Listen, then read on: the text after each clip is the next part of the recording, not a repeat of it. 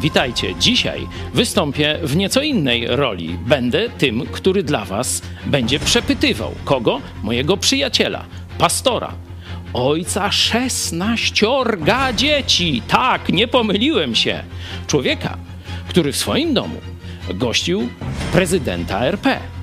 I jeszcze wiele innych ciekawych rzeczy dowiecie się o polskim pastorze. Zapraszam. Not traveling to areas affected by... I hospitalized in critical condition. Yes, yes, yes, yes, yes.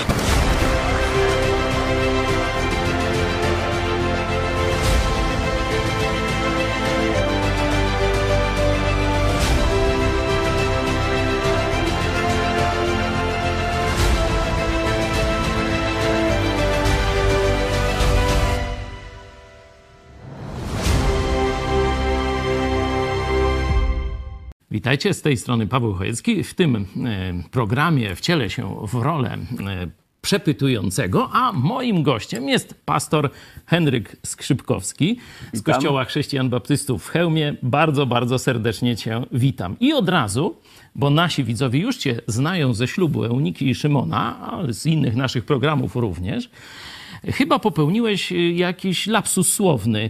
Y, Dużo pytań było. Na ślubie powiedziałeś, że y, wraz z żoną macie 16 dzieci. Czy to pomyłka jakaś? No, to nie jest pomyłka. To nie jest pomyłka. To nie jest lapsus To mamy, słowny. to mamy skandal. Właśnie. Tak, mamy- Pastor 16 dzieci. tak, tak. Niektórzy by powiedzieli, że to patologia jest. Ale to ty powiedziałeś. Tak. No, yy, powiedziałem i jak najbardziej trochę tak z przekąsem, a, a czasami można taką opinię e, o nas usłyszeć.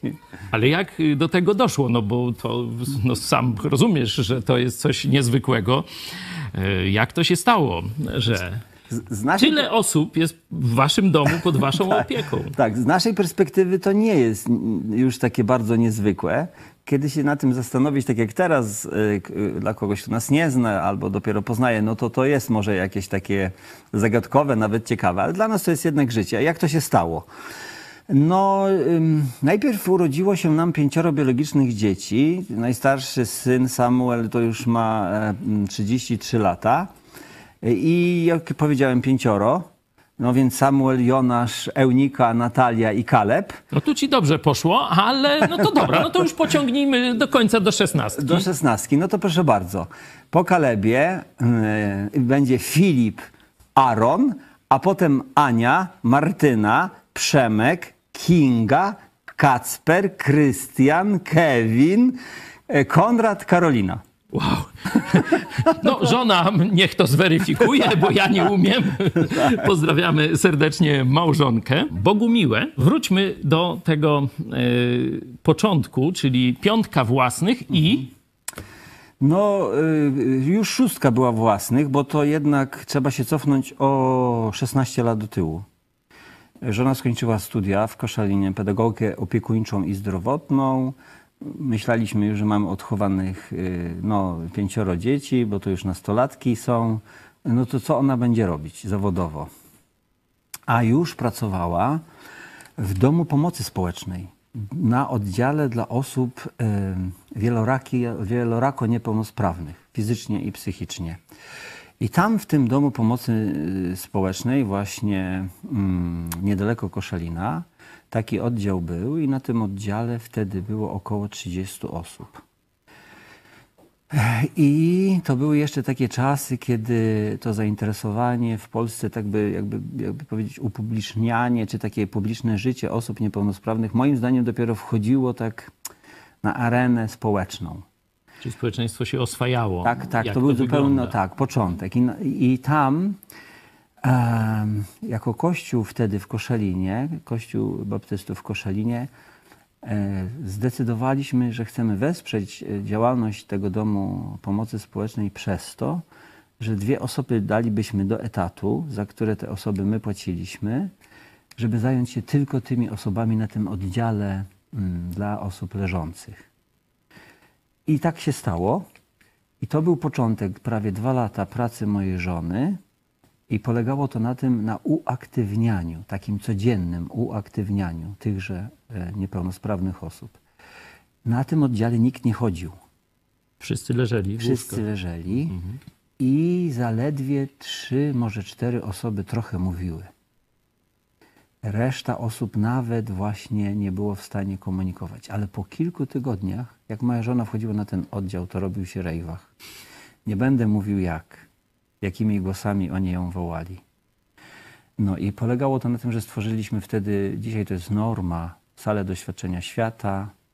Niektóre osoby zaczęły wychodzić na zewnątrz, organizowaliśmy jakiś wolontariat, żeby może z nimi pojechać na, nad morze z niektórymi. I tak weszliśmy w świat niepełnosprawnych osób na bardzo, bardzo poważnie. Był to mój pierwszy w zasadzie taki poważny kontakt z ludźmi niepełnosprawnymi, ale podkreślam, głęboko niepełnosprawnymi, psychicznie i fizycznie e, jednocześnie. Tak jakby te, tak skumulowana ta niepełnosprawność. No widać, że okazanie serca totalnie zmieniło ich y, życie w tym wymiarze także fizycznym. Wiesz, tam to było jeszcze coś innego. Tam zobaczyłem, że osoby nawet bardzo niepełnosprawne i leżące też mają własną osobowość, charakter i też chcą, chcą żyć. Chcą mieć jakieś zainteresowanie, żeby ktoś się nimi zainteresował. Potrzebują relacji.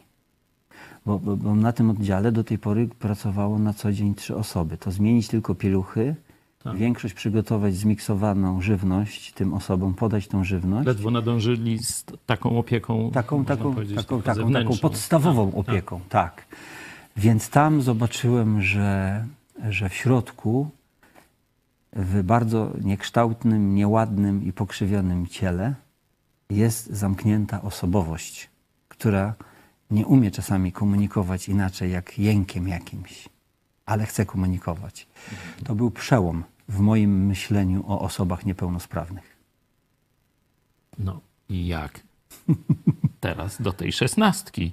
No dochodzimy. właśnie. I wtedy z tego koszalina zdecydowaliśmy się jako małżeństwo z tą rodziną, że przeprowadzimy się do Chojnic, żeby założyć kościół protestancki, wspólnotę baptystyczną właśnie w Chojnicach. Mieliśmy tam już trochę kontaktów. I Chojnice to dużo mniejsze miasto e, na południowym Pomorzu, powiedzmy sobie, niż Jeszcze Kaszuby. no właśnie, Chojnice akurat to, to południowa brama Kaszub w sensie takim literackim czy geograficznym. No i wtedy właśnie w Chojnicach nie było takiej pracy dla żony, bo, bo, bo mniejsza miejscowość, pracy generalnie w mniejszych miejscowościach było mniej. I wtedy właśnie, krótko po przeprowadzce do Chojnic, telewizja gdańska e, y, wyemitowała program, który miał na celu pokazać e, dwoje dzieci niepełnosprawnych. Taką dziewczynkę, Anię, która miała 7 lat, z zespołem Downa i poszukiwano dla niej właśnie rodziny zastępczej, bo miała ona z kolei w siódmym roku życia trafić do, do domu pomocy społecznej ze względu na to, że nie miała opiekuna prawnego, takiego, kto by nią, ją reprezentował. Była dzieckiem porzuconym przez rodziców biologicznych. I chodziło o to, że rozpoczyna się e okres edukacji, prawda, siódmy rok życia, więc kto by ją wziął? No i nie znalazły się szkoły, placówki państwowe chętne, które po prostu ten dom, dyrekcja domu dziecka nie miała na to pomysłu, więc takim ostatnią deską ratunku Była telewizja. była telewizja, że może ktoś by zareagował i chciał to mężczyzn. I myśmy, jako małżeństwo, już wtedy, uwaga, z, tym, z tą pi- piątką odchowanych nastolatków i z małym Filipem, który, który wtedy był jeszcze takim niemowlakiem, e, zdecydowaliśmy, że może my tą Anię weźmiemy. Oglądając ten program, oboje jednocześnie zareagowaliśmy, tak popatrzyliśmy na siebie takim jakimś, no, no w komunikacji takiej małżeńskiej to był taki przełom i odpowiedzieliśmy, do, do, zadzwoniliśmy, potem skontaktowaliśmy się z tym domem dziecka i w krótkim czasie zrobiliśmy szkolenie dla rodziny zastępczej i Ania trafiła do nas. To było pierwsze. A potem po roku z tego samego domu dziecka, z Gdańska, dyrekcja dzwoni jeszcze raz, państwo skrzypkowscy, to mam taką jeszcze inną dziewczynkę, Martynkę, ona tak samo potrzebuje, jest tej samej sytuacji, a wy już umiecie, wy już daliście radę, może byście z no, i, i po niedługim poszło z czasie górki. poszło z górki, była druga osoba. Zaznaczam, że to były, że to były dziewczynki obie z zespołem Downa, więc też miały tam w sobie jakąś niepełnosprawność, tak? No i jeszcze rok później ta sama pani dyrektor z tego samego, z tej samej placówki, mówi pani Skrzypkowski, pan już tamtego, wy dacie radę i ten. No to taki przemuś jest, taki chłopczyk, bardzo fajny i tak dalej. Więc ja mówię, pani dyrektor, chyba nie bo jednak moja żona jest, uwaga teraz, z siódmym dzieckiem w ciąży, więc, więc jak to zrobić? A, a ona mówi, no tam się proszę nie przejmować, to tam odchowacie, a Przemek poczeka. I Przemek poczekał po kilku miesiącach po porodzie. Przemek Znowu z plecakiem, telefon. znowu telefon, Przemek z plecakiem na, przygotowany do mamy i taty i, i wkroczył w świat rodzinny. No i tak się ja właśnie już zaczęło. rachubę, ale to już chyba przekroczyliście dziesiątkę. No, siedmioro, no, równo, dziesiątkę, tak. Więc długie lata byliśmy rodziną zastępczą, specjalistyczną, czyli z tym prawem e, wychowywania czy opieki nad e, dziećmi niepełnosprawnymi. No i tak było długo, aż, aż powiedzmy 10 lat temu przeprowadziliśmy się do, tutaj do e, Chełma, też żeby służyć Kościołowi w Chełmie i, i w Chełmie z racji tego, że już pełniliśmy te, te, te obowiązki rodziny zastępczej specjalistycznej, no to zawsze są koordynatorzy, jest y, prawda, ta, ta strona prawna, socjalna, więc y, Miejski Ośrodek Pomocy Rodzinie ma też wgląd w to, co się dzieje w takich rodzinach. No i kiedy poznała nas tam mm, dyrekcja Miejskiego Ośrodka Pomocy Społecznej, nie, Miejskiego Ośrodka Pomocy Rodzinie, przepraszam, y, w Chełmie, dyrekcja mówi, aj, to ja bym tam zrobiła z was y, rodzinny dom dziecka. No i zaczęliśmy Fajnie. rozmawiać. I wtedy, bo był taki cel, żeby trójka dzieci, która przebywa w różnych rodzinach, żeby mogła się połączyć w naszej rodzinie. I zdecydowaliśmy się na ten krok. I wtedy w krótkim czasie doszła jeszcze dwójka, jeden chłopiec. Chcę na koniec takiej trochę może długiej wypowiedzi, bo to jednak y, fajnie, że pokazaliśmy 16 okres. dzieci, to musi być długa No, historia. dokładnie, bo to, to nie, nie zrobiło się tak natychmiast. E, trzeba powiedzieć właśnie, że mm, żadne z tych dzieci jakby nie było w naszym mm, takim planie, takim zamiarem. E, no sobie tak niektórzy ludzie zaplanują, wymarzą, przygotują się.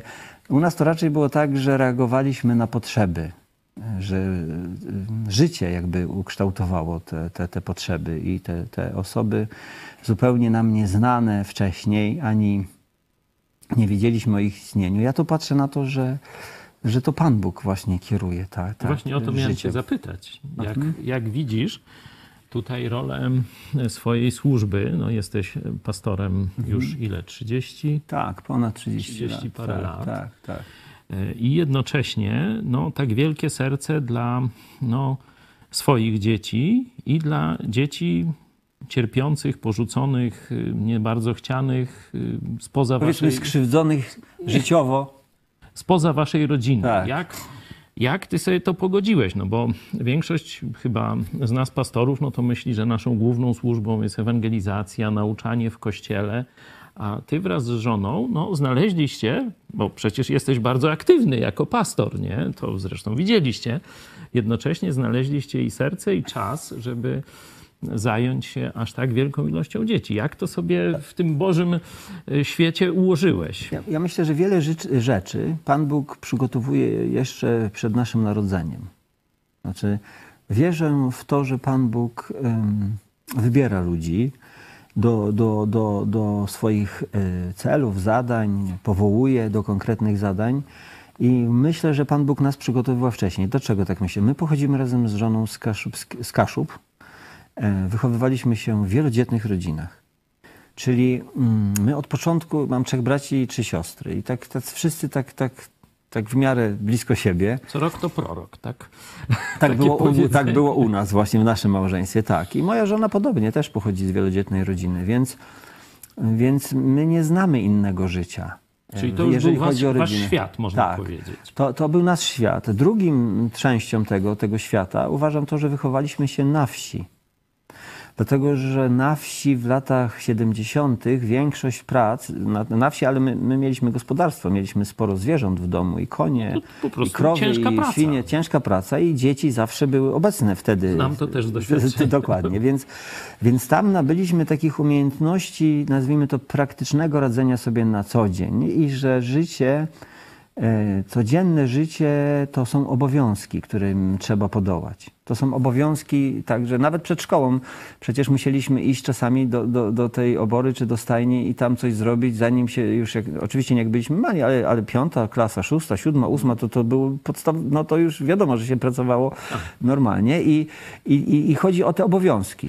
Dzisiaj, kiedy o tym myślę, wydaje się jakby nie, nie, nie wiem, czy jestem uczciwy, czy, czy nie przesadzam, ale wydaje mi się, że dzieci wychowujące się, czy które się urodziły w miastach, w bloku, e, gdzie często jest dwójka i tak dalej, to to, o czym opowiadamy, to oni chyba mogą myśleć, że to są jakieś archaizmy. Średniowiecze. Średniowiecze. Więc obowiązki przed szkołą, obowiązki głównie wynikające z tego gospodarstwa, potem relacje rodzinne, że trzeba się z czymś podzielić, że to nie jest tak, że ja coś dostaję Wszystko dla mnie. wszystko dla mnie, bo trzeba się podzielić, tak? A, no Wszystkim, co było. dzieci. No, no, no, dokładnie. A nawet ubrania, no, że to jak... Jedno z drugiego Jedno z drugiego, dalej, tak, tak. tak, tak, no właśnie, więc kiedyś myśleliśmy, że to jest jakiś przejaw słabości, może biedy nawet, a dzisiaj tak na to nie patrzę. Dzisiaj patrzę na to, że, że to jest właśnie przejaw takiego Bożego przygotowania do życia, bo życie to, to nie są wakacje, to y, życie to, to, to nie banał, to, są, to, jest, to jest bardzo poważna, każdy dzień jest bardzo poważnym wydarzeniem i myślę, że wielu ludzi nie dostrzega e, rangi dnia codziennego. No ale my przez te wychowanie z tymi obowiązkami może dlatego, jak dostrzegliśmy potrzeby tej dziewczynki tam w Gdańsku, jednej, drugiej, potem chłopca, jakoś zareagowaliśmy i dla nas to by wydawało się, że to jest normalne. I teraz to zaowocowało w dorosłym życiu, tym poczuciu takiej, że trzeba się pochylić nie tylko nad swoim życiem, ale nad życiem drugiej osoby, tej słabszej w tym wypadku osoby, która sobie sama w życiu nie poradzi. Bo dzieci niepełnosprawne, no, kto się ma o nie zabiegać, jeżeli nie Pan Bóg, prawda? Tu, tu się kłania taka bardzo ważna sprawa, że Bóg zawsze w sercu nosi wdowy i sieroty. I czy w Starym Testamencie, czy w Nowym Testamencie u Boga te osoby mają bardzo wysoką, powiedziałbym, rangę. I ludzie, którzy szczerze tym osobom pomagają, wierzę w to, dzisiaj po trzy- 30 latach lepiej, teraz to lepiej widzę, wierzę w to, że, że są w szczególny sposób i ubłogosławieni ci, którzy otrzymują tą pomoc, ale także ci, którzy tą pomoc i opiekę dają. Masz przed sobą otwartą Biblię. Rozumiem, że jesteś gotowy, żeby też nam udzielić takiej no, biblijnej lekcji Tak. na temat zajmowania się osobami tymi szczególnie w sercu Boga, czyli wdowami i sierotami. Tak, więc y, mm, zauważyłem, to też jest ciekawe dla mnie, że, że dosyć późno to do mnie przychodzi. Zauważyłem, jak wiele miejsca w, w Piśmie Świętym Bóg właśnie poświęca wdowom i sierotom. Generalnie wszyscy skłaniamy się do tego, że najstarszą księgą Pisma Świętego jest, e, jest księga Hioba. Tak. Z wielu powodów, tak? To, po, ponieważ to nie ma ani jednego słowa o zakonie mojżeszowym, nie ma ani jednego słowa o Izraelu, e, nie ma ani jednego słowa o jakichś takich sąsiednich, nawet takich, takich związanych z Biblią, tak? Więc skłaniamy się, że to jest taka księga, Ten czas jeszcze Tak. przed patriarchami. Dokładnie, tak, tak. Są, wiadomo, też chcę zaznaczyć, że są inne na ten temat opinie. To, to zostawiamy na razie. Jedna z najstarszych, Tak, na pewno tak, tu się tak, wszyscy tak, tak. zgodzą. No i teraz y, w 31 rozdziale, wedle przykładu warszawskiego, czytamy takie słowa, ale kontekst y, tych słów jest następujący. Przyjaciele, którzy przyszli do, do Hioba po jego traumie, jaka go spotkała z powodu utraty majątku, dzieci i zdrowia ostatecznie, w dość krótkim czasie. Ta trauma była tak, y, tak straszna, no to też jest fajne, że, y, y, że Hiob miał w swoim, że tak powiem, zasięgu przyjaciół. No i przychodzi do niego trzech. I z daleka, nawet jak byli blisko, nie poznali go.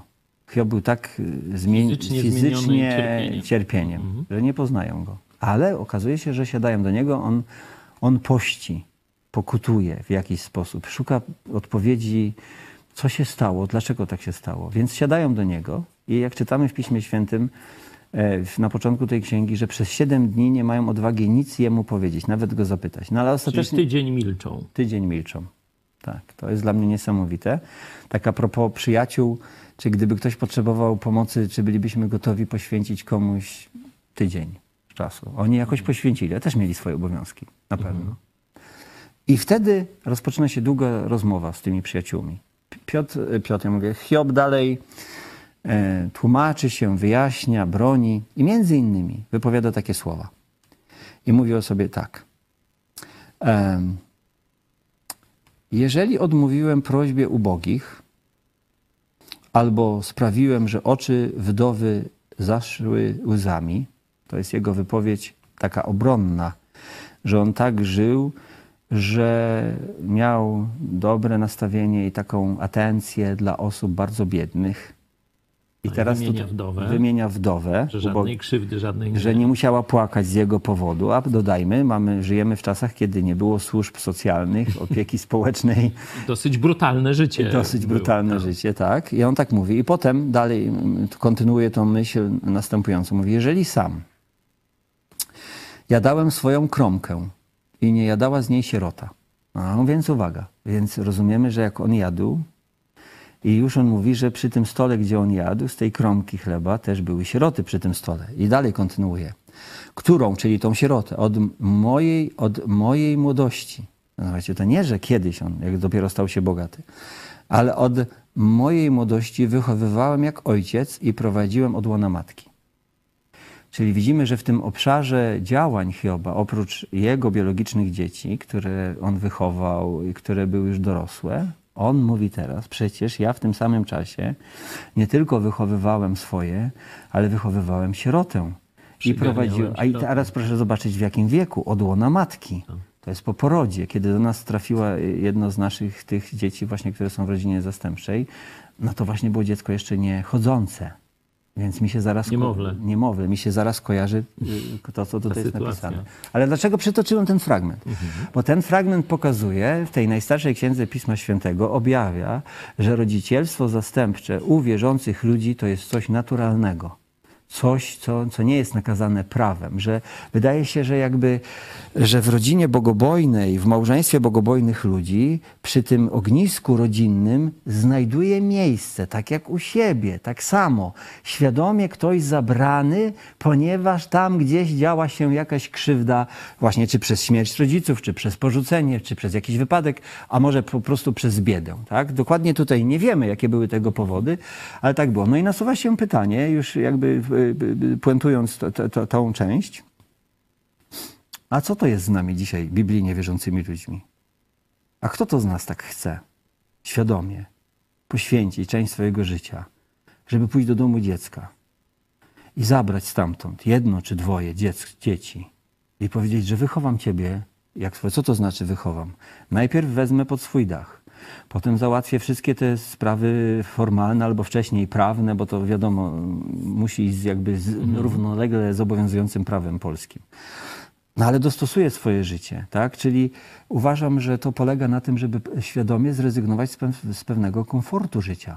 Że rodzica, rodzic zastępczy świadomie, uwaga, rezygnuje swojego komfortu życia.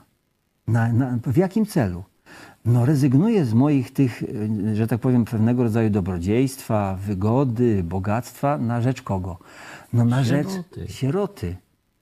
Bo to dziecko, jak, jak ono ma zawalczyć o sobie, o siebie samej? Kto to zawalczy? Kto to, kto to podniesie, to dziecko? No i teraz, ja jeszcze powiedzmy to tak, no to jestem gotowy, gotowa i ja bym chciał dodać, że dzieci w rodzinach zastępczych, które trafiają do rodzin zastępczych, to one najczęściej to są dzieci już z pewnego rodzaju obciążeniami. To nie jest tak, że to będzie pięknie, romantycznie, że to będzie och jak fajnie, że to nie jest poryw chwili ani wyobraźni. Za tym stoi Ciężka praca. ciężka praca. I poświęcenie. I no, wytrzymałość charakteru. Trzeba Tak, się z tym Tak. na to liczyć. Tak. Znaczy w sensie przygotować na Tak, to. i ja uważam, że, że, że, że tak trzeba zrobić. Znaczy, zdaję sobie sprawę, że nie wszyscy rodzice są gotowi, żeby, żeby coś takiego y, zrobić, ale uważam, że Bóg powołuje wierzących ludzi, biblijnie wierzących ludzi do takiej służby, absolutnie wierzę w to mocno, że Pan Bóg powołuje. Być może ciebie, tych ludzi, którzy nas słuchają,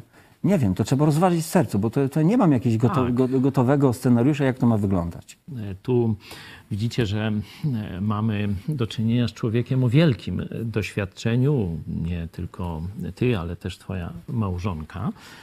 Dlatego jeśli macie jakieś pytania, jeśli chcielibyście więcej wiedzieć, to piszcie do nas. Adres internetowy pewnie znacie, jeśli nie to powtórzę, kontakt małpa idźpodprat, idźpodprąd.pl.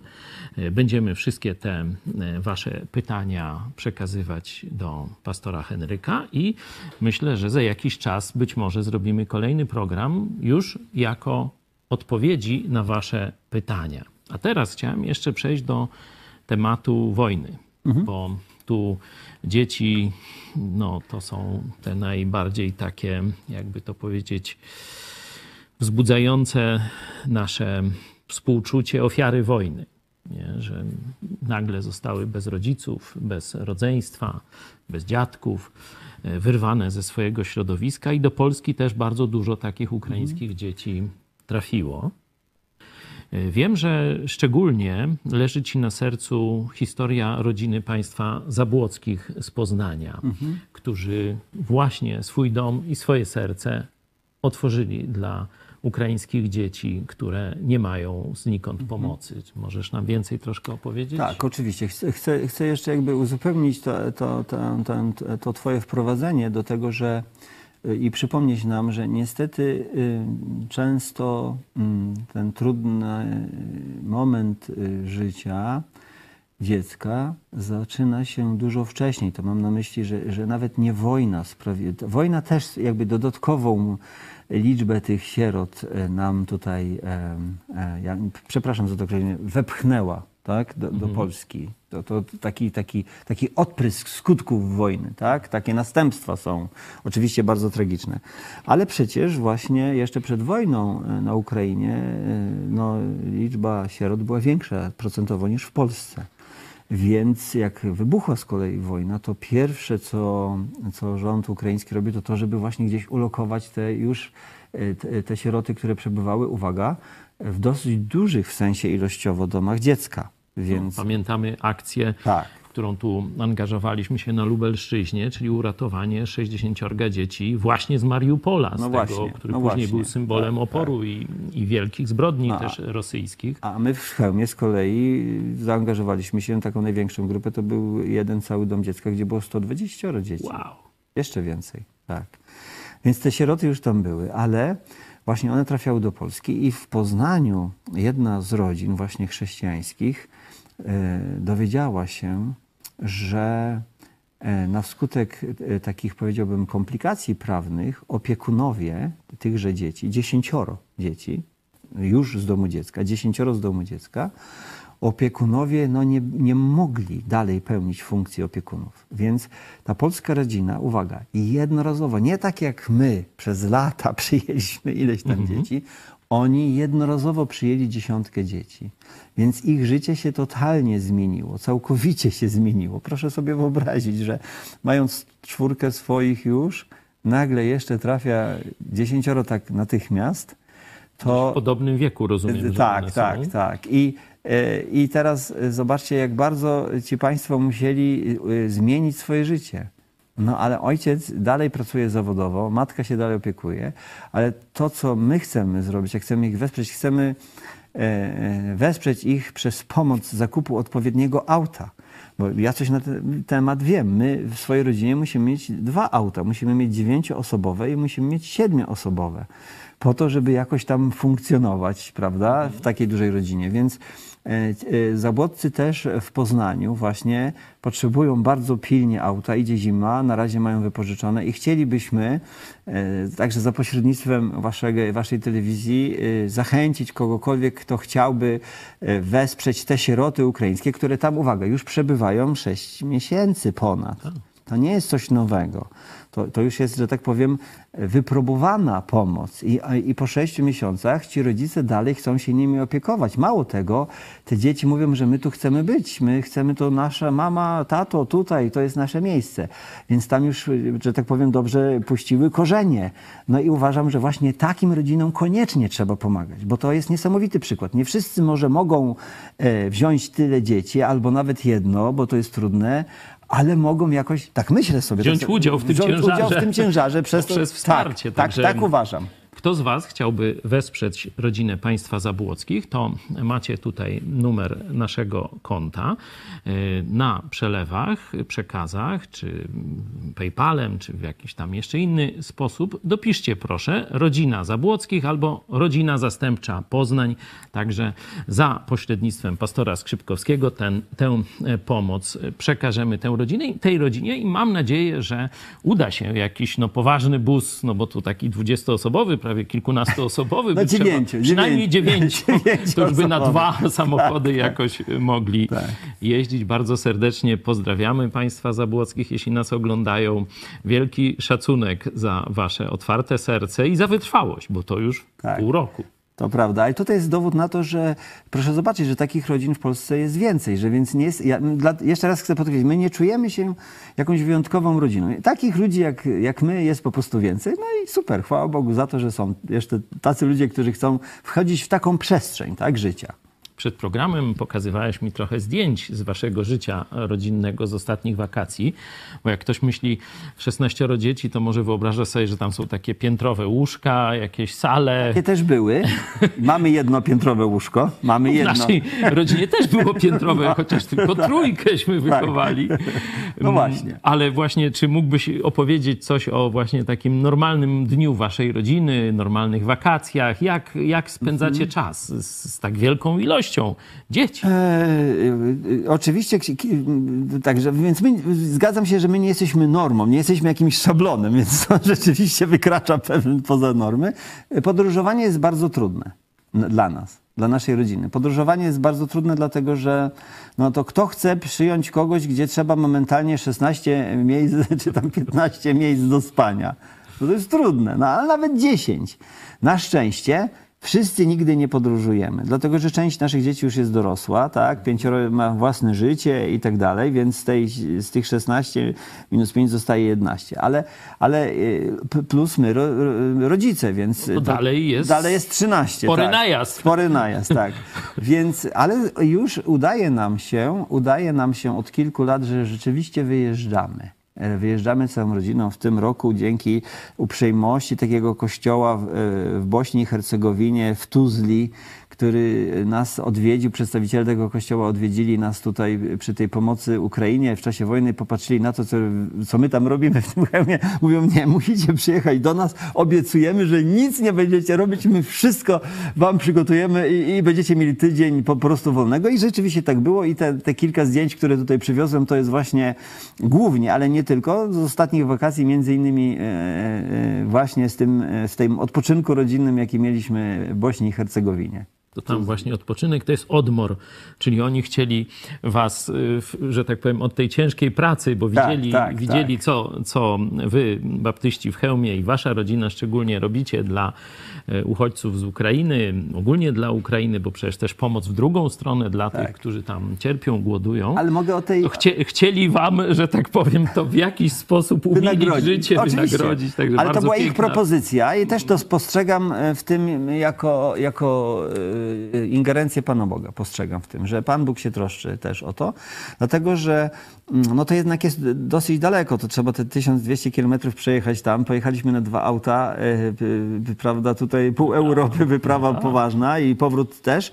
Ale, ale co chcę powiedzieć? To ciekawe miejsce, ta Tuzla, bo tam ma, mały jest kościół. Taki A większość jeden, muzułmańska. A właśnie o tym chcę powiedzieć. 30 meczetów. 30 mhm. meczetów, jeden kościół rzymskokatolicki, jeden prawosławny i taki właśnie jeden niewielki baptystyczny kościół. I to ten baptystyczny nas tam zaprosił. I zobaczyłem, bo to było dla mnie ciekawe doświadczenie, zobaczyłem, że nie jest tak prosto głosić Ewangelię w ogóle, służyć w ogóle, mówić o Chrystusie, służyć Chrystusowi w kraju muzułmańskim, o kulturze muzułmańskiej. Tak? Także no, jeżeli y, powiedzmy y, z tych minaretów te, te dźwięki wezwania do modlitwy, co prawda byłem zaskoczony, że mieszkańcy w ogóle na to nie reagują. To, to były inne. przywykli od dziecka. Tak, ale, ale, ale jednak i o północy, i w różnych, i o poranku, i wieczorem, i gdzieś tam przez te megafony y, odzywa się. To było ciekawe doświadczenie. A zarazem zobaczyłem już, jak taki kościół służy, mają trudniej niż my. Naprawdę mają trudniej. Dlatego, że, dlatego, że wszyscy są bardzo ostrożni na tym tle religijnym. boją się jedni na drugich i tak dalej. Jakby ja widzę, że to tak mi się wydaje, jakby diabeł złapał ludzi, wiecie, w pułapkę religijności. Jedni trzymają się tego, drudzy się trzymają tego i nie daj, nie daj Panie Boże, żeby tam gdzieś ktoś się wychylił, bo to z tego mogą być kłopoty. I trochę właśnie w takim zastraszeniu ci ludzie tam żyją i także proszę o modlitwę o chrześcijan, którzy żyją w krajach muzułmańskich. Oni naprawdę muszą o wiele bardziej uważać niż my. Amen.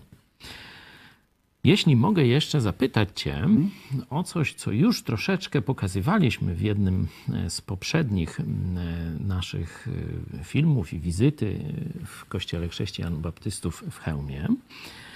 E, obiło mi się uszy i często słyszę takie określenie Bach. I już wiem, że to nie ma z muzyką nic wspólnego. Co, co, co to jest ten Bach? Tak, a mi, mi się kojarzy tak Buch Bach.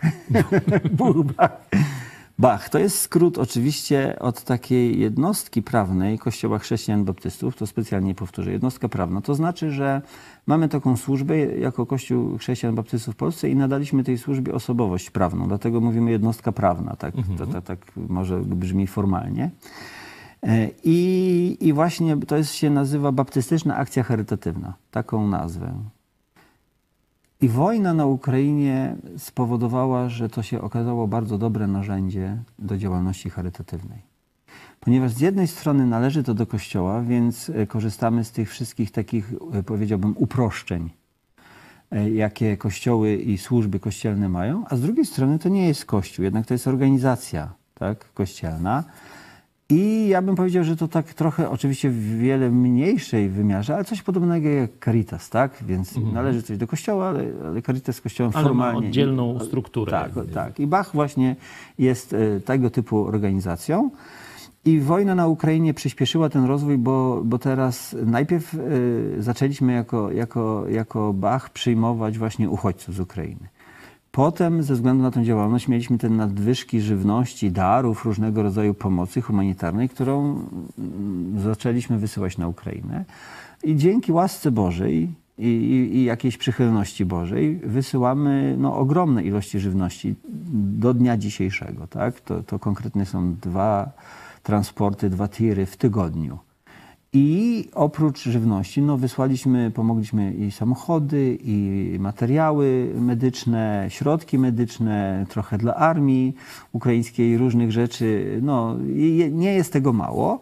I, I to było głównie kierowane na Ukrainę. Ale Bach też właśnie przez to, że się rozwija, zdecydowaliśmy, że chcemy e, zrobić jeszcze właśnie dwa, jeszcze takie dwie gałęzie, jakby dwa kierunki pomocy. Jednym będzie odbudowa budynków. Mamy taki zamiar e, kilka budynków odbudować, tych e, zniszczonych przez wojnę zwykłym mieszkańcom Ukrainy. Oczywiście to jest może jakaś kropla w morzu potrzeb, no ale jednak jest to jakiś realny, rzeczywisty i wymierny owoc właśnie takiej pracy charytatywnej i, chcemy to przez Bacha, przez tą służbę e, właśnie rozpocząć. W zasadzie już poczyniliśmy ku temu kroki. I jeszcze jedna gałąź, właśnie to jest ta, ta praca z sierotami w Polsce, z rodzinami zastępczymi. Jak widzimy, że już e, e, sieroty, sieroty, no powiedzmy dzieci które są e, rozdzielone przez wojnę, trafiają także z Ukrainy do Polski, ale także i polskie dzieci, które e, no, trafiają do rodzin zastępczych, są odbierane rodzicom biologicznym z różnych powodów. To chcemy właśnie też w tej przestrzeni motywować małżeństwa, rodziny chrześcijańskie w Polsce, aby decydowały się na wychowywanie dzieci. To jeszcze dopytam, po, ponieważ jak byłem e, wtedy, e, to był no jeszcze początek wojny, to przez wasz kościół i właśnie w tej działalności charytatywnej, tej baptystycznej akcji charytatywnej przewijało się bardzo dużo e, ochotników, wolontariuszy z zewnątrz. Jak mhm. przeżyliście, no Chełm no to nie jest Warszawa, a nagle staliście się, można powiedzieć, stolicą Polski. I ludzie z całego świata przyjeżdżali. Widziałem tam grupy ze Stanów Zjednoczonych, z, z Holandii, tak, przepraszam, tak. z Hiszpanii, Hiszpanii tak. z, z, tu z Europy całej. No Ale to Włosi, Litwini, Łotwa, Litwa, ta, no, Niemcy, jak, Austriacy. Jakście to przeżyli, jak to, jak to wyglądało, jak to wpływało też na tych ludzi, bo z kilkoma rozmawiałem, to nie byli baptyści, to no, byli tak. często ludzie, tak powiem, tak tylko przyglądający przyglądający się, poszukujący, y, przyglądający się chrześcijaństwu. Jak oni reagowali też na to, co się tam Tak, dzieje? To, to może najpierw powiedzmy o tych, którzy byli spoza środowisk w ogóle chrześcijańskich, bo, bo takich było co najmniej kilkanaście osób się pojawiło. Co najmniej kilkanaście. Tych, którzy nie, nie uważali się za chrześcijan, trafili do nas właśnie przez takie upublicznienie, czyli taką, taką działalność powiedzmy właśnie e, publiczną, tak, jaką tam rozpoczęliśmy. I te informacje poszły w świat, nie przez polskie media, bo już o tym wspominałem, tak, że, że głównie przez media zachodnie, tam właśnie BBC, USA Today, Times i właśnie telewizja Basków i no, trochę było z Australii, z Japonii y, dziennikarze. To, to ich relacje spowodowały, że ta informacja o hełmie no, poszła w taki szerszy eter. I tam wtedy odpowiedź również usłyszeli ludzie, którzy to oglądali, że można przyjechać jako wolontariusze. I, i, i rzeczywiście tak było, spontanicznie zaczęli się z- zgłaszać. I teraz, jaka była ich opinia? Siłą tego było to, że my jednak nigdy nie kładliśmy tak przy pomocy tej charytatywnej, nie patrzy się na wyznanie, na religię, na narodowość i tak dalej. Nie patrzy się na to. Pomagamy po prostu potrzebującym. I to takie podejście, tak, tak traktowanie sprawy spowodowało, że ci wolontariusze, nawet niewierzący, mówią, to jest miejsce bezinteresownego po- pomagania. No nie ma nic chyba bardziej e, takiego zachęcającego, jak właśnie bezinteresowne pomaganie. Bo, bo można czasami pomagać, są różne czynniki tego, tej pomocy, ale oni mówią, no robicie to bezinteresownie. E, I to jest, myślę, że bardzo, bardzo ważne. Oni się poczuli, że, że nie, są, nie są narzędziami do osiągnięcia jakiegoś celu, że nie są w żaden sposób manipulowani, że nie, nie, my też nie szukamy własnej chwały, nie szukamy jakiegoś poklasku, ani nie podziękowań od nikogo. Po prostu trzeba pomagać. To pomagacie. I to pomagamy. I oni to dostrzegli i czuli się bardzo swobodnie, bo dlatego, y, że kilka osób y, pojechało do domu i wróciło jeszcze raz. Naprawdę, mówią, to my chcemy wam pomagać. I, i, i jeżeli ktoś zabiera się za, za pomaganie, to ja uważam, że kiedyś o tym nie wiedziałem, to się nauczyłem. To bym to, ja to po- pozwólcie, że to, mm, czy pozwoli, że ja to, ja to powtórzę. Pomagać trzeba bezinteresownie. To- To jest bardzo ważna zasada, żeby ta osoba, która to odbiera tą pomoc, widzi, że my od niej nic nie chcemy w zamian. No to jest pełne mocy takie, takie, taka, taka pomoc. Naprawdę ona ma w sobie wielki ładunek siły takiej, tak, pozytywnej. Dzisiaj ja nie celowo unikam stwierdzenia pozytywnej energii. Tak. tak. I, I potem e, to, że my nie chcemy e, zrobić żadnego kapitału na tej pomocy. Znaczy, ja nie mam nikomu za złe, że, że polskie media, że o nas tam nie pisały, czy no, okej. To Powiedziałbym to tak jak e, bracia czescy, uwierz, głoś słowo, bądź wierny Chrystowi, a potem umrzyj i, i niech o tobie zapomną. Tak? Bo Jezus nie zapomni. Amen. Tak, to chodzi o to, żeby Chrystusowi oddawać chwałę. I że to robić tak, to, to tak jak Pan Jezus mówi w Ewangelii, jak już coś komuś dajesz, to niech nie wie Nie prawica trąca. i tak dalej. Niech nie wie prawica, co czyni lewica, tak? To, to, to żeby to robić Do właśnie... prawicy i lewicy zaraz przejdziemy. Okej, ale, ale chodzi mi o to, że, że właśnie jeżeli ktoś widzi właśnie to, że nie robimy na tym kapitału żadnego, to taki nie jest cel. Tak? I ostatnia rzecz właśnie, że taka pomoc bezinteresowna, to ona chyba znajduje największe poparcie społeczne. Także jesteśmy z Was dumni E, i tu już na Twoje ręce przekazywałem też i w tym filmie piersi do pomocy. To właśnie o baptysta z Chełma. E, No i wyście Zasilanych przez no, no i całą wyście też nam Polskę pomogli. Wy też dołożyliście do tego swoje cegiełki, za co jeszcze raz dziękuję. Właśnie, bo to jest ten dowód na to, że to może funkcjonować przy różnego rodzaju współpracy, pomocy wzajemnej i tak dalej. Y, Prawica i lewica, oczywiście tak troszeczkę mówię ironicznie. Chyba jesteś jedynym pastorem w Polsce, który miał okazję osobiście rozmawiać z dwoma prezydentami Rzeczpospolitej. Właśnie jeden z lewicy, drugi z prawicy. Okej. Myślę, że nie jedyny. To znaczy, no, nie, nie wiemy, prawda, gdzie, g- tak, bo to tak. Natomiast ym, Pierwsza moja ta wizyta e, u pana prezydenta mm, Komorowskiego nie wynikała nawet z mojej woli, to też chcę powiedzieć wyraźnie, że po prostu tutaj władze e, województwa lubelskiego nominowały nas, e, ponieważ pan prezydent Komorowski ogłosił taki, taki, takie święto, dzień rodziny i, i zaprosił dwadzieścia kilka rodzin do siebie tam do pałacu, do Warszawy. I między innymi z województwa lubelskiego zostaliśmy my jakby pokierowani tą rodziną. To było już sporo lat temu. Już można, to sobie to ktoś chce przeliczyć. I, i rzeczywiście była okazja. Każda z rodzin miała tam powiedzmy kilka chwil taki, dla takiej, takiej swojej prywatności. Y, no i pan prezydent Komorowski oczywiście wiedział, że jestem duchownym i że mam tyle dzieci, to dla niego było ciekawe i, i, ale nie było to też tak, y, nie było tego czasu na tyle, żeby jakoś tak swobodnie opowiedzieć, jakie są powody. Oczywiście powiedzieliśmy, jakie są powody takiej naszej służby, działalności, takiej aktywności rodzinnej, no bo tym bardziej, że to było przez niego zorganizowane, ale no, powiedział, ja bym powiedział tak, na pewno zostawiliśmy świadectwo, że jesteśmy ludźmi biblijnie wierzącymi, że to są powody, te, te, te, prawdy pochodzące z Pisma Świętego, to, to są powody, dla których my to robimy i że jesteśmy gotowi y, wziąć na siebie tą odpowiedzialność, bo to jest takie, tak jest Boża wola, tak Pan Bóg chce i tak dalej. Oczywiście pełen zachwytu i zachęty, no mówi super, super, super, ale moim zdaniem to właśnie było no, za krótko tak? Za mało, bo to tak... Bardziej oficjalnie. Bardziej tak. oficjalnie, tak, tak. Ale tak było. Tak było.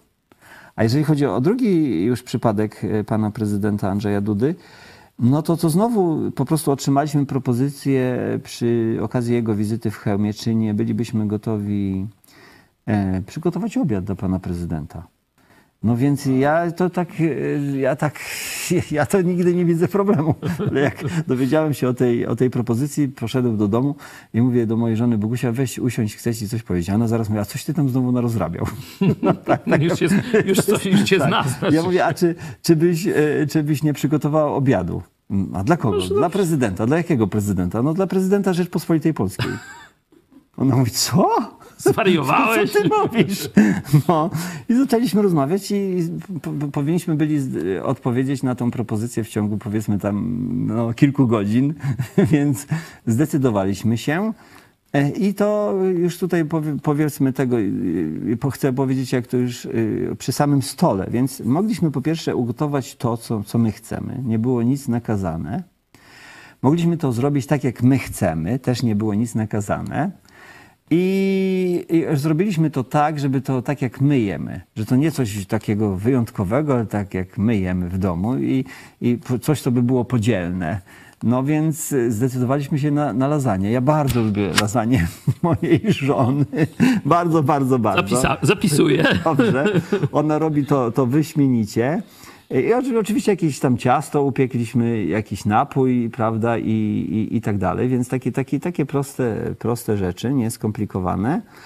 I pan prezydent rzeczywiście przyszedł i chcę tutaj zaraz powiedzieć, bo, bo chcę go pochwalić jednak, bo trzeba mm, go pochwalić. Po pierwsze, w ogóle nie było te, tego, e, tego, tego politycznego, takiego, jakby to powiedzieć, tego e, takiego e, mm, celu, kontekstu. Celu. Tak, A. tak, nie było. Więc to było, e, czyli na przykład nie było żadnych kamer. Czyli tak jak gość w domu? Jak gość w domu, właśnie. W domu, tak się kiedyś no, To dla mnie było ciekawe, trochę byłem tylko nieswojo, że myśmy siedzieli przy tym stole, to było zrobione pod namiotem w ogrodzie, na naszej działce, przy domu. E, no, bo to też było, dlaczego nie w domu? No, że, bo ten COVID, to były czasy tamtego COVID-u, wszyscy tam te maski i tak dalej. No, na świeżym powietrzu. Na świeżym było, powietrzu, no. tak. Już, żeby oni się bali, prawda, żeby, że, że prezydent przywiózł e, COVID-a do, i zaraził, prawda, tutaj dom dziecka i tak dalej. Więc e, tak, no, na, na, na ogrodzie, co było bardzo miłe. I, I chcę powiedzieć, że tak, pan prezydent Duda E, zaraz nawiązał z nami kont kontakt taki rodzinny. Po pierwsze zainteresował się, a, a, co wy to za ludzie jesteście, a skąd to i tak dalej. I nawiązała się zwykła taka rozmowa. On miał siedzieć tak trochę dalej, on powiedział, nie, tak daleko nie będę siedział, chcę z wami siedzieć. To do was przyjechałem. I to, co było ciekawe, to to, że myśmy jedli, no ale jednak tych osób, które mu tam towarzyszyły w tej wizycie, bo to i tak dalej, to było co najmniej jeszcze kilkadziesiąt. Więc oni musieli przez ponad godzinę stać po bokach tak dookoła ogrodu i na nas patrzeć. W tym się czułem jako jakoś tak nieswojo, no bo jako gospodarz chciałbyś ugościć wszystkich. No ale, ale ja rozumiem pewne wydarzenia, bo to jego była to oficjalna wizyta w Chełmie. Mieliśmy bardzo miły czas, bardzo rodzinny. Porozmawialiśmy o rodzinie, naprawdę porozmawialiśmy o rodzinie. Myślę, że pan prezydent o nas nie zapomniał, w sensie takim, że to było tego typu spotkanie, kiedy się go nie zapomina do końca życia, ze względu na to, że nawiązaliśmy jakąś relację. I otwartość pana prezydenta do rozmowy w ogóle o Bogu, do takiej, do takiej szczerej rozmowy, nawet na tym poziomie takim rodzinnym, tak, była, jest dla mnie wielką zachętą. I uważam, że że to, to jest właśnie taka, taka mocna strona. Pewna, pewnego rodzaju prostota i szczerość w podejściu do człowieka, kiedy się jest w rodzinie, no to właśnie te, te wartości i, i, ten temat y, do, do, tego został ograniczony, więc mogliśmy się poczuć zupełnie swobodnie. I tu, co ciekawe, żadne inne media właśnie o tym nie powiedziały. Nawet tylko lokalne gazety to od nas, czy tam media tam chełmskie powiedziały, no tam pan prezydent u was był. No to, to chociaż trochę opowiedzcie, że prezydent Rzeczypospolitej Polskiej był u was. Czyli Czyli zostało, ta, ta prywatność i ta, ta, ta rodzinny klimat został zachowany. To nie zostało jakby wplecione, prawda, użyte do czegokolwiek innego. I, i tutaj to doceniam, że pan prezydent miał na tyle mądrości i, i tak dalej, że jednak no, to była wizyta rodzinna i on u nas miał okazję odpocząć trochę bo on miał wystąpienie w Sejmie, potem przyleciał śmigłowcem do Hełma i potem rozpoczęły się tam jego publiczne wystąpienia. No więc miał tak naprawdę obiad i trochę takiego, no, takiego innego doświadczenia niż te polityczne, te publiczne wystąpienia. Więc no, to była miła wizyta z mojej perspektywy i przeżyliśmy to bardzo miło. Wspominamy bardzo miło. No my bardzo często mówimy o e, prezydentach w naszych komentarzach politycznych i tam e, to, co robi jeden prezydent czy drugi, e, oceniamy z punktu widzenia i Biblii Interesu Polski, ale cieszę się, że mogliśmy usłyszeć coś tak właśnie od kuchni. Tak. No, prawie, że dosłownie, no bo od no, obiadu z prezydentem. To, tutaj ciekawostek jest jeszcze trochę to, które można A, powiedzieć. Po pierwsze, tak. Po może pierwsze, nas nie zamknął. No, nie, nie, bo, bo nie, bo, bo, nie w takim charakterze, tylko nie, nie mamy na co dzień do, do czynienia, prawda, z tym protokołem politycznym. A przecież wizyta prezydenta ma swoje regulaminy, ma swój protokół, swoje zasady. I dla mnie to jest właśnie ciekawe, że, że dla mnie, prawda, że takiej wizycie musi towarzyszyć y, wóz strażacki, karetka pogotowia musi być przygotowana, musi być ileś tam zastępów policji, różnego rodzaju policji. To wszystko jest w zastępstwie i to gdzieś musi być w okolicy, prawda, i muszą też być zamknięte y, no, niektóre ulice i tak mhm. dalej. Tej ochrony jest dużo więcej i tak dalej. Dla mnie to, to było dosyć interesujące, że, że tyle zamieszania, prawda, dzieje się e, z powodu... Przy, domu. przy moim domu sąsiedzi byli zdziwieni, e, co tam się dzieje. No a taką ciekawostką było to, że też zawsze e, panu prezydentowi towarzyszy lekarz, tak, i, i też on jest odpowiedzialny za to, no, co się dzieje właśnie z tej kulinarnej strony. I to, to było, to, no, to jest ciekawe przeżycie i, i no, bardzo takie, powiedziałbym, edukacyjne. E, I, I na przykład nikt nie mógł już potem nic wnieść do, te, do tego menu, które myśmy w domu przygotowali. Z zewnątrz już nikt nie mógł nic wnieść nawet. E, to też pokazuje, prawda, że pewne zasady są przestrzegane. Jak najbardziej postrzegam to pozytywnie. Zdaję sobie sprawę, że głowa państwa jest, jest chroniona, chroniona tak. na, na, na, na, różne sposoby, że są odpowiednie regulaminy i pewne procedury, które powinny być wykonywane. No i po prostu mogłem to dostrzec już tak nie, nie z telewizji, czy, czy nie z jakichś tam programów, e, czy filmów, ale po prostu na własnej skórze. I dużo jest dosłownie tego, co można zobaczyć w niektórych filmach. Tak to wygląda.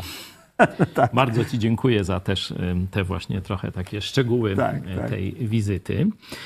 E, no, mam nadzieję, że jesteście usatysfakcjonowani tą naszą rozmową pokazującą spektrum e, życia pastora Skrzypkowskiego i jego małżonki, jego rodziny. E, mam nadzieję też, że zainspirowaliśmy Was do być może jakiegoś sięgnięcia jeszcze raz do Biblii, bo tam takie ciekawe rzeczy, także opiece nad ludźmi potrzebującymi, jakie to jest ważne w życiu człowieka. E, myślę, że wielu Polaków, ja osobiście odkryliśmy to, że tak powiem, w pełnym, no, w pełniejszym zakresie właśnie od czasu tej lutowej napaści Putina na e, Ukrainę. To dopiero odżyło, tak, że to jest część świadectwa i nakazu Jezusa Chrystusa do Kościoła także tu potwierdzam podobne doświadczenia e, i e, mam nadzieję też, że to zmieni oblicze chrześcijan w Polsce, kościołów w Polsce, chrześcijańskich rodzin. Jeśli macie pytania, to tak jak powiedziałem w trakcie programu, piszcie do nas i za jakiś czas, może dwa, trzy tygodnie, możemy jeszcze raz się spotkać i odpowiedzieć na Wasze pytania. Może wtedy uda się na żywo, to wtedy też można by zadawać y, online te pytania. Także bardzo Ci dziękuję. A mogę jeszcze do, do, do, do, dołożyć coś? E, wydaje mi się, że wojna na Ukrainie, która jest absolutnie dla narodu ukraińskiego ogromną tragedią.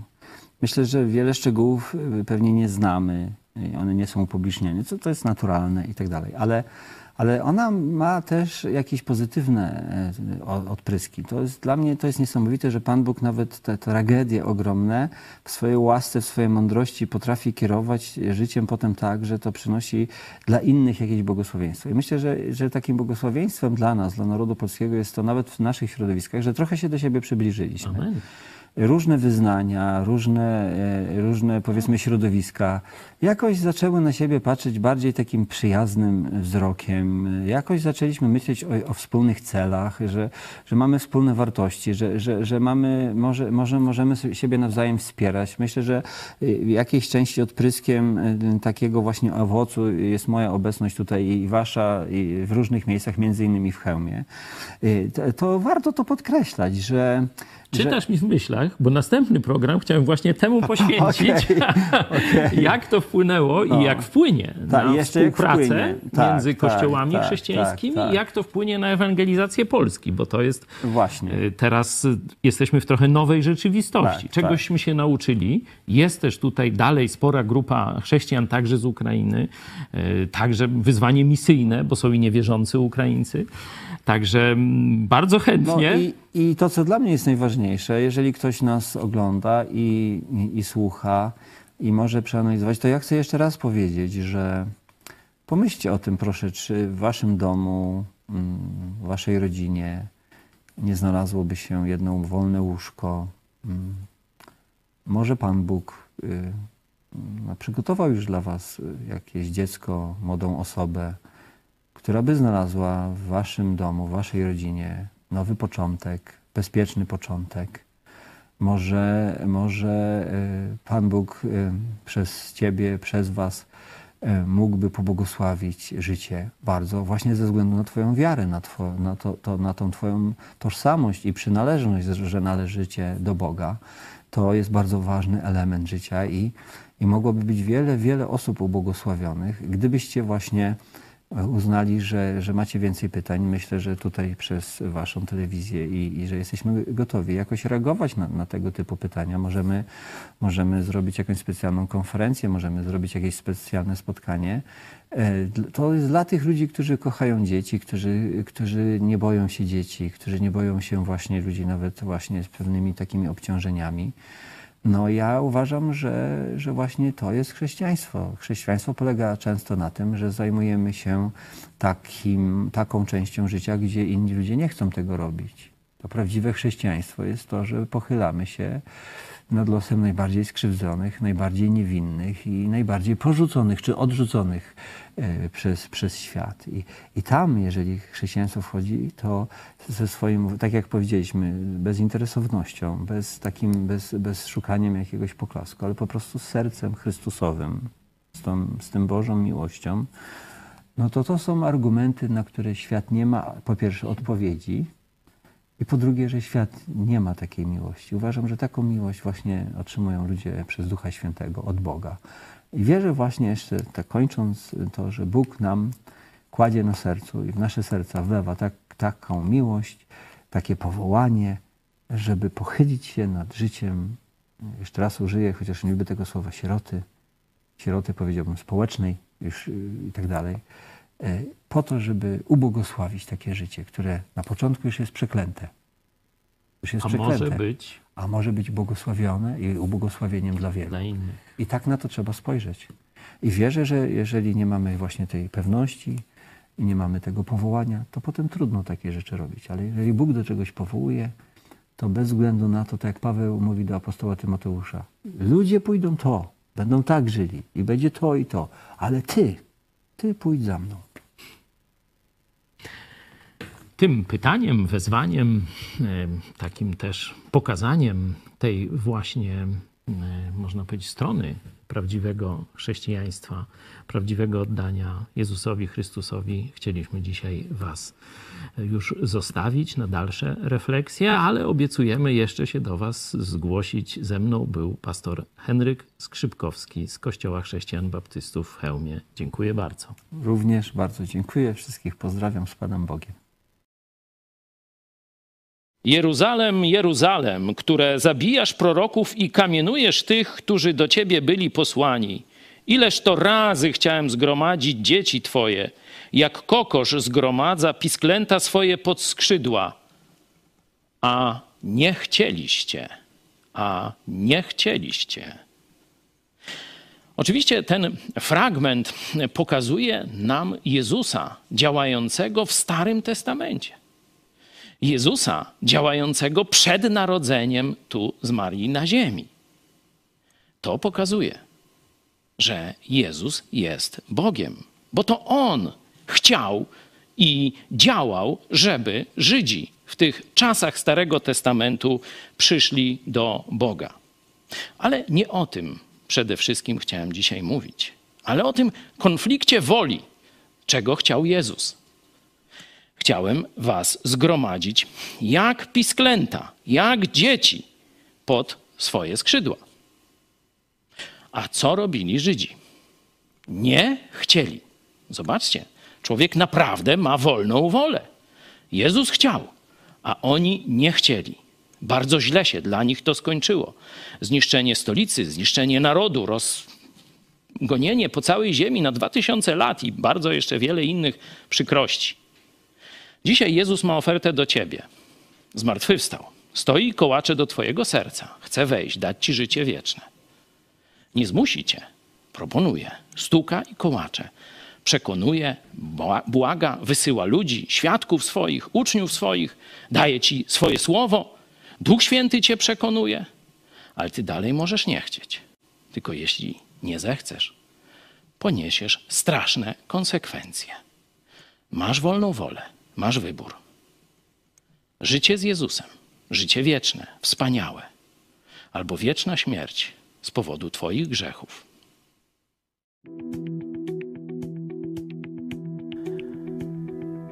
14 października 1767 roku z rozkazu ambasadora rosyjskiego Nikołaja Repnina zostali wywiezieni do Kaługi senatorowie, którzy sprzeciwiali się ingerencji Rosji w wewnętrzne sprawy Rzeczpospolitej. Byli to biskup krakowski Kajetan Sołtyk, biskup kijowski Józef Andrzej Załuski, hetman polny koronny Wacław Rzewuski i jego syn Seweryn Rzewuski. Porwani senatorowie byli przetrzymywani na zesłaniu przez pięć lat. Kanclerz Andrzej Zamojski, oburzony tym, że król Stanisław August Poniatowski nie domaga się zwolnienia ich, podał się do dymisji. Poza tym obrady toczyły się według planu ambasadora Repnina. Na Sejmie miała być wyłoniona delegacja, która miała negocjować tzw. Tak traktat gwarancyjny, czyniący z Rzeczpospolitej rosyjski protektorat. Przebieg sejmików, na których wyłaniano posłów, był kontrolowany przez Rosjan albo siłą, albo przekupstwem. Riepnin oceniał, że 134 posłów jest w pełni dyspozycyjnych, 58 wątpliwych, a tylko 44 niezależnych. Obrady odbywały się w Warszawie, otoczonej przez wojska rosyjskie. Byli ludzie, których to oburzało, dlatego Sejm podjął uchwałę stwierdzającą, że wojska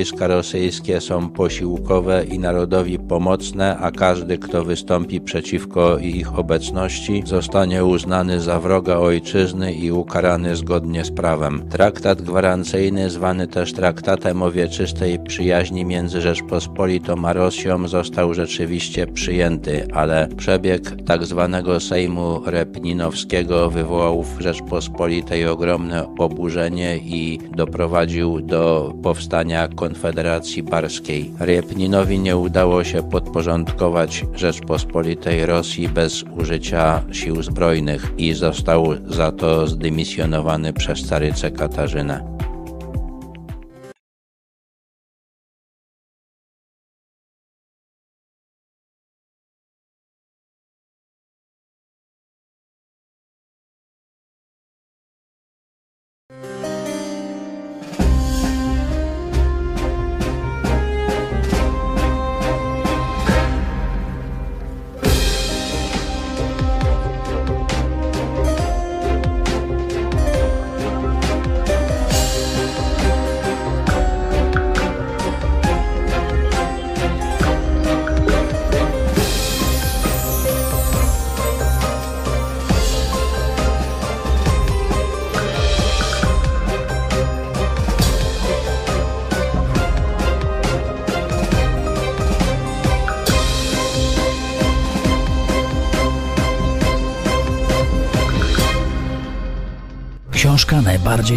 Kontrowersyjnego pastora w Polsce.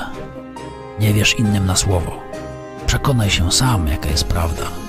Rozpocznij swoją przygodę z Biblią.